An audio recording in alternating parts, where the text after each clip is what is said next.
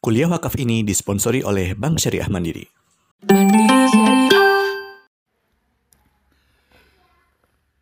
Assalamualaikum warahmatullahi wabarakatuh. Alhamdulillahirabbil alamin. Assalatu wassalamu ala sayyidil mursalin. Sayyidil awwalin wal akhirin. Muhammadir Rasulillah sallallahu alaihi wasallam. Wa ala alihi wa ashabihi ajmain amma ba'du. Dalam serial wakaf, hari ini saya akan berbicara tentang wakaf dan manfaatnya di tengah masyarakat luas. Imam Syafi'i mengatakan, wakaf belum pernah dipraktekkan di masa jahiliyah. Belum juga diterapkan untuk rumah dan terhadap lahan. Umat Islamlah yang pertama melaksanakannya. Demikian menurut Ma'rifatus Sunan Wal Athar Bayhaqi yang dikutip oleh Mundir Qahaf dalam bukunya Wakaf. Wakaf memang model ibadah harta yang sangat brilian. Bayangkan, manfaat pahalanya akan terus-menerus dinikmati oleh orang yang berwakaf, yaitu si wakif, melampaui umur masa hidupnya di dunia. Manfaat harta dari wakaf tersebut juga lestari, digunakan oleh generasi demi generasi, selama harta wakaf tersebut dikelola oleh manajer yang kompeten dan tetap going concern memberi hasil. Manajer itulah yang sering disebut nadir. Coba kita lihat sejarah wakaf yang pernah dilaksanakan oleh Sayyidina Umar bin Khattab radhiyallahu an.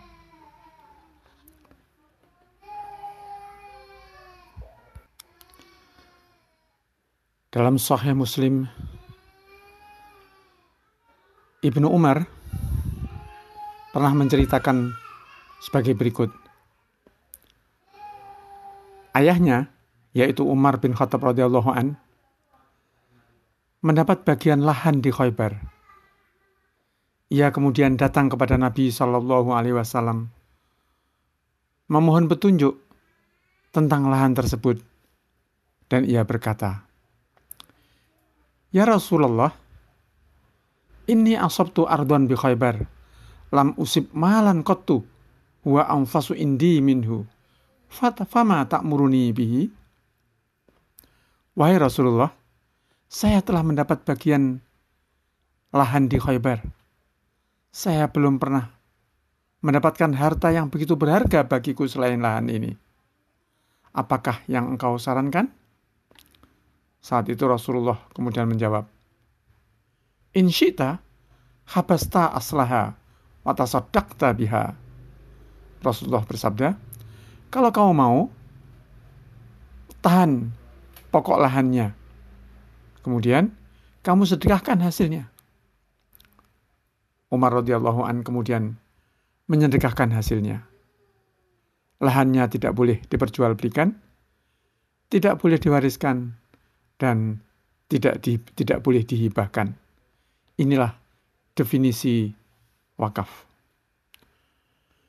Ibnu Umar kemudian berkata, Umar radhiyallahu an kemudian bersedekah kepada orang-orang fakir, kaum kerabat, hamba sahaya, visabilillah ibnu sabil para tamu.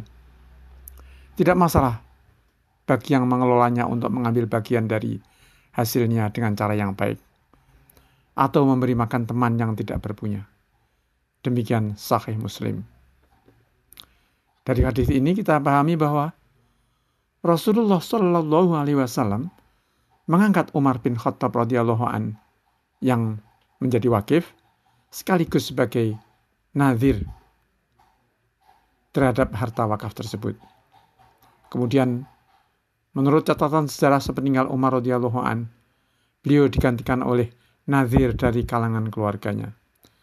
Nazir ini berkewajiban untuk mengelola harta wakaf, sehingga menjadi produktif dan bisa mengembangkan harta wakaf yang menjadi tanggung jawabnya agar hasil kebunnya bisa dimanfaatkan oleh masyarakat, keluarga wakif, dan juga sebagai imbalan profesional bagi yang mengurusi lahan wakaf tersebut. Sejatinya, harta wakaf itu merupakan area bisnis yang harus menguntungkan. Mengapa? Karena Allah Subhanahu wa taala sudah berfirman, agar infak itu dikeluarkan dari harta yang terbaik. Kualitas nomor wahid. Infak bukan harta yang berkualitas jelek. Sehingga untuk melihatnya saja harus dengan memicingkan mata sendiri. Tidak tiga melihatnya. Perhatikan firman Allah Subhanahu wa taala dalam surah Ali Imran ayat 92. A'udzu billahi rajim.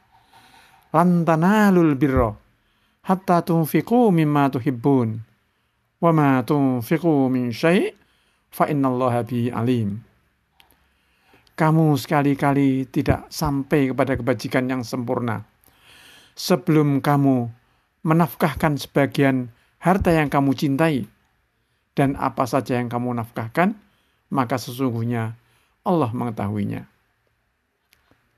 Kemudian kita baca dalam ayat tentang kewajiban zakat, Allah berfirman, memang ini kewajiban zakat, tapi intinya adalah berinfak itu harus yang terbaik, yaitu surah Al-Baqarah ayat 267.